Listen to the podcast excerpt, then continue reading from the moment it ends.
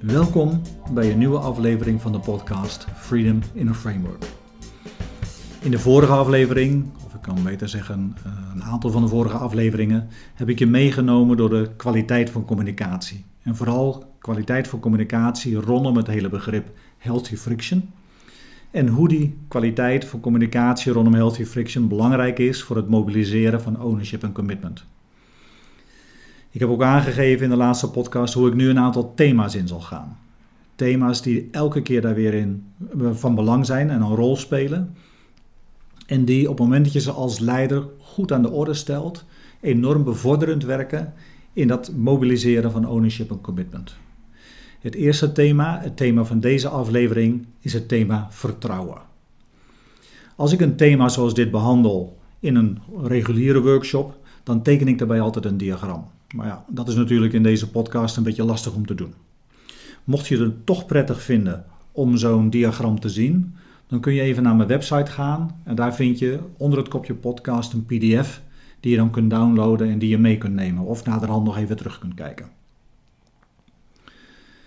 Vertrouwen als thema van samenwerking en als thema in het leiderschap. Je kunt begrijpen als je denkt aan het thema vertrouwen hoe belangrijk dat is voor het samenwerken van mensen. Als je jezelf voorstelt dat je met je partner, met je vrienden geen vertrouwen hebt, dan kun je eigenlijk niet verder. Dan kun je geen moeilijke vraagstukken aan, dan kun je geen complexe onderwerpen aan. Als je juist wel vertrouwen hebt in elkaar en met elkaar, ja, dan is de complexiteit die je aan kunt, is ontzettend groot. Vertrouwen helpt ook enorm om ons mensen in situaties waarin we onzekerheid voelen, angst voelen, ongerustheid voelen, om toch die stap te maken en het te gaan uitproberen. Vertrouwen in elkaar helpt daarbij enorm.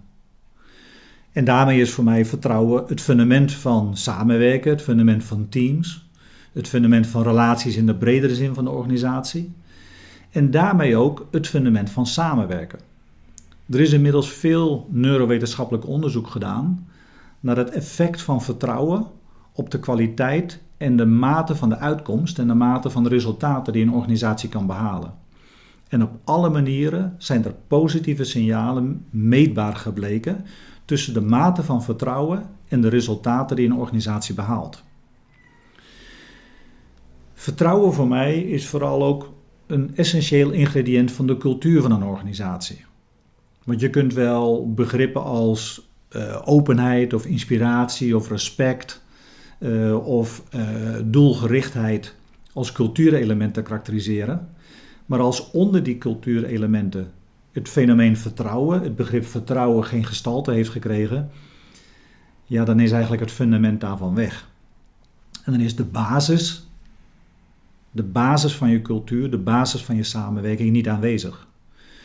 Vertrouwen wordt ook wel gezien als het essentiële smeermiddel in de olie die de cultuur van de organisatie met elkaar weerspiegelt. Nou, dat maakt ook dat voor mij het zo belangrijk is dat je als leider kijkt: wil ik, met, wil ik veel mensen met me meenemen? Wil ik dat ownership en commitment echt aan de gang krijgen? Hoe kan ik dan in de fundamenten een cultuur van vertrouwen opbouwen? En dat vraagt allereerst om bij jezelf maar ook in bredere zin bij je teams en bij je organisatie, het besef te creëren van wat vertrouwen eigenlijk is. En als ik puur kijk naar een definitie van vertrouwen, dan is voor mij vertrouwen het resultaat van consistentie in gedrag. Op het moment dat ik met collega's om mij heen zodanig kan samenwerken dat ik redelijk voorspelbaar ervan op aan kan wat voor soort gedrag zij zullen gaan vertonen in bepaalde situaties, dan krijg ik vertrouwen in hen. Kijk, ik kan in het begin, als iemand nieuw voor mij is, wel vertrouwen geven, maar vertrouwen moet uiteindelijk bestendigd worden door de consistentie van wat ik zie van iemand. En als wat iemand zegt, ja, je kunt ervan op aan dat bijvoorbeeld een besluit uitgevoerd wordt of iets geïmplementeerd wordt of wat dan ook. En naderhand merk ik dat ze het niet doen, ja, dan gaat mijn vertrouwen omlaag.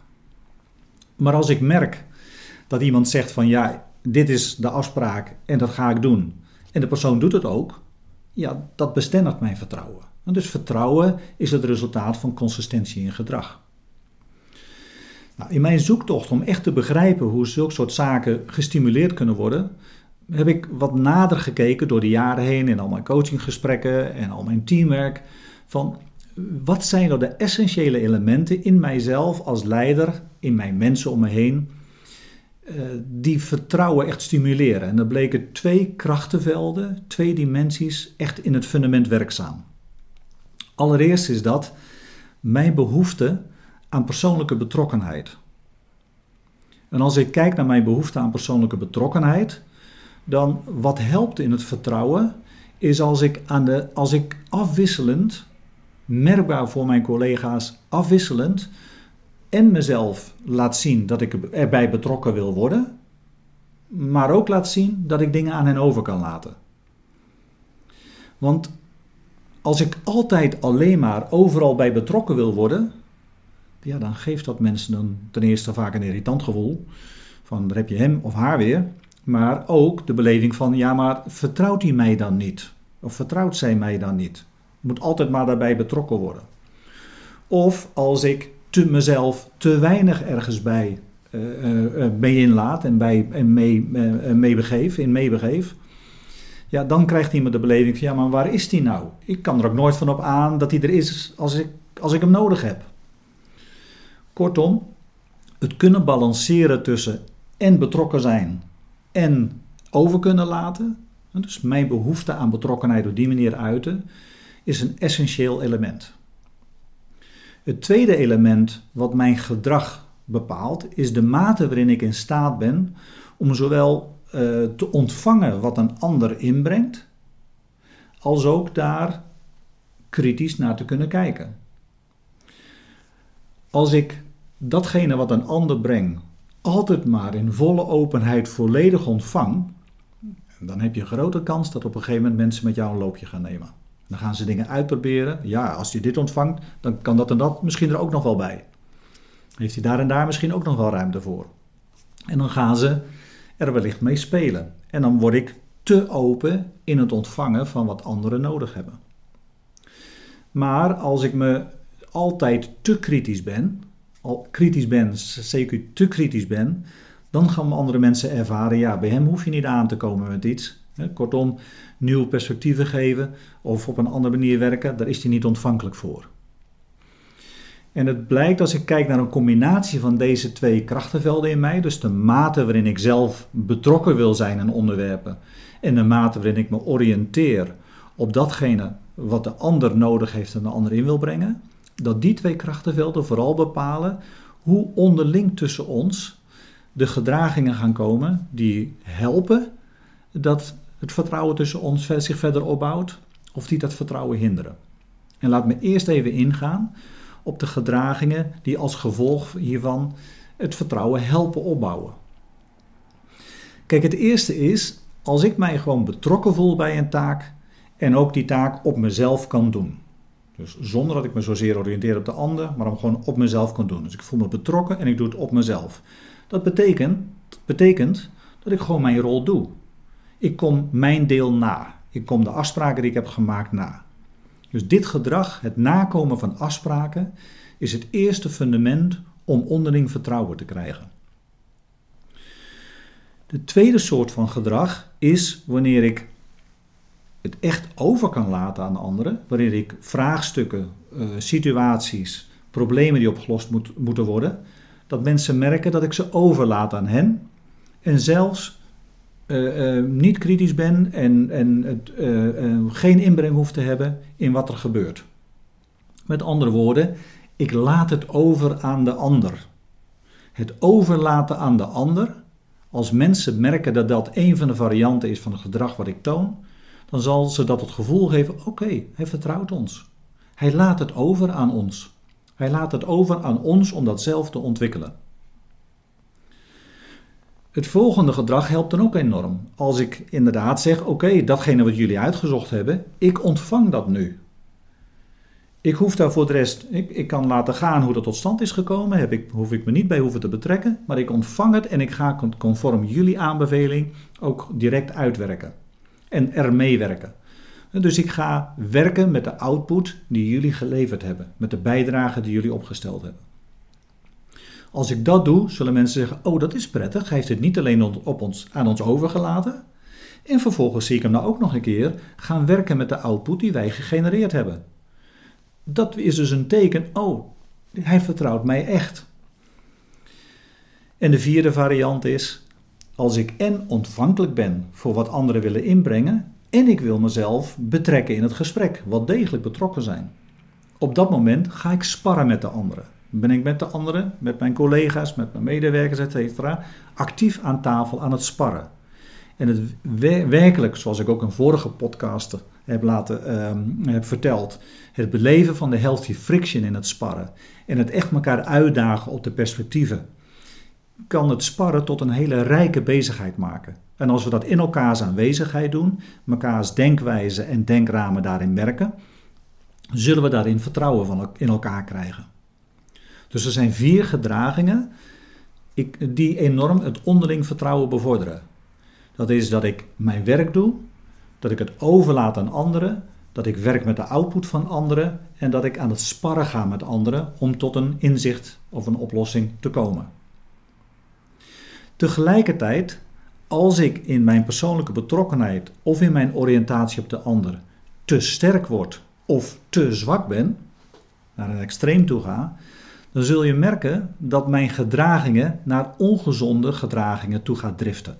Dat ongezond, daarmee bedoel ik dat het gedragingen zijn die voor onze onderlinge relatie en voor het behalen van resultaten niet helpen. Bijvoorbeeld, als ik op zich mijn werk doe, wat ik al zei, is een gunstige.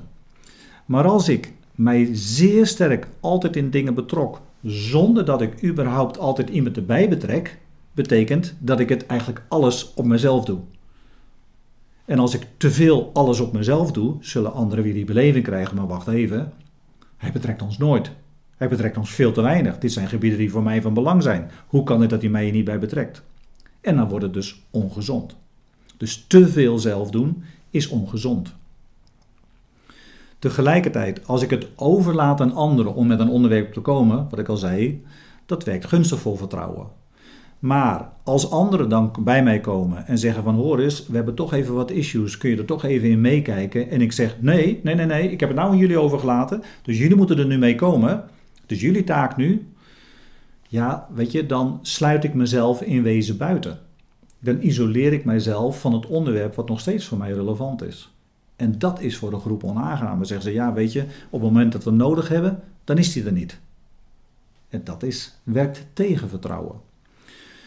Ik gaf al aan, op het moment dat je met de output die anderen bouwen gaat werken, dat is enorm stimulerend voor vertrouwen. Maar als ik daarin buitengewoon ga leunen op datgene wat anderen allemaal doen, dan zeggen mensen: ja, maar wacht even, je moet ook wel je eigen deel doen. Als jij je eigen deel niet doet, dan, dan kan ik jou ook niet vertrouwen in de bijdrage die vanuit jouw werk komt.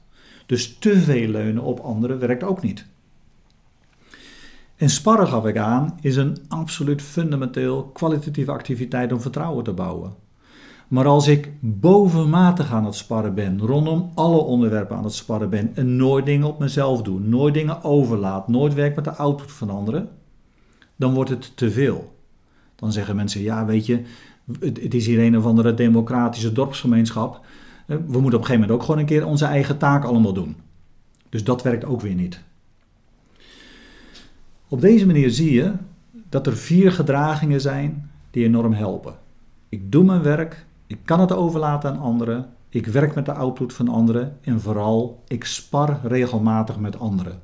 Als ik die vier gedragingen vertoon, dan is het zo dat in een groep van mensen het vertrouwen met elkaar zich ontwikkelt, zich bestendigt en wij inderdaad tegen elkaar kunnen zeggen: Ik zie en ik weet dat je in bepaalde situaties die spannend zijn, bij mij zult komen uh, om met mij te sparren. Ik weet dat er situaties zijn wanneer je het inderdaad aan mij zult overlaten. En ik weet in welk soort van situaties dat is. Ik weet dat ik ervan op aan kan dat als jij een afspraak maakt, afspraak uh, neemt, op je neemt, dat je hem ook daadwerkelijk zult uitvoeren.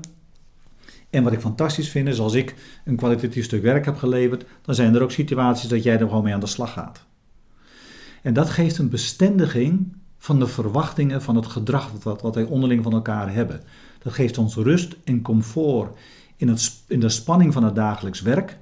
in de grote veranderingsprocessen die gaande zijn, in de grote vernieuwingsprocessen die gaande zijn, dat we daar echt van elkaar op aan kunnen. En als dat plaatsvindt, ja, dan hebben we uh, plezier in het samenwerken en dan weten we ook dat we de maximale resultaten kunnen genereren. Deze podcast, heel duidelijk, deze aflevering stond het begrip vertrouwen centraal. In de volgende aflevering wil ik een thema meenemen, een thema centraal stellen, wat vaak veel spanning geeft. En dat is het thema van kracht versus macht. Hoe ga je daar als leider in de context van het mobiliseren van een ownership en commitment mee om? Dankjewel voor nu.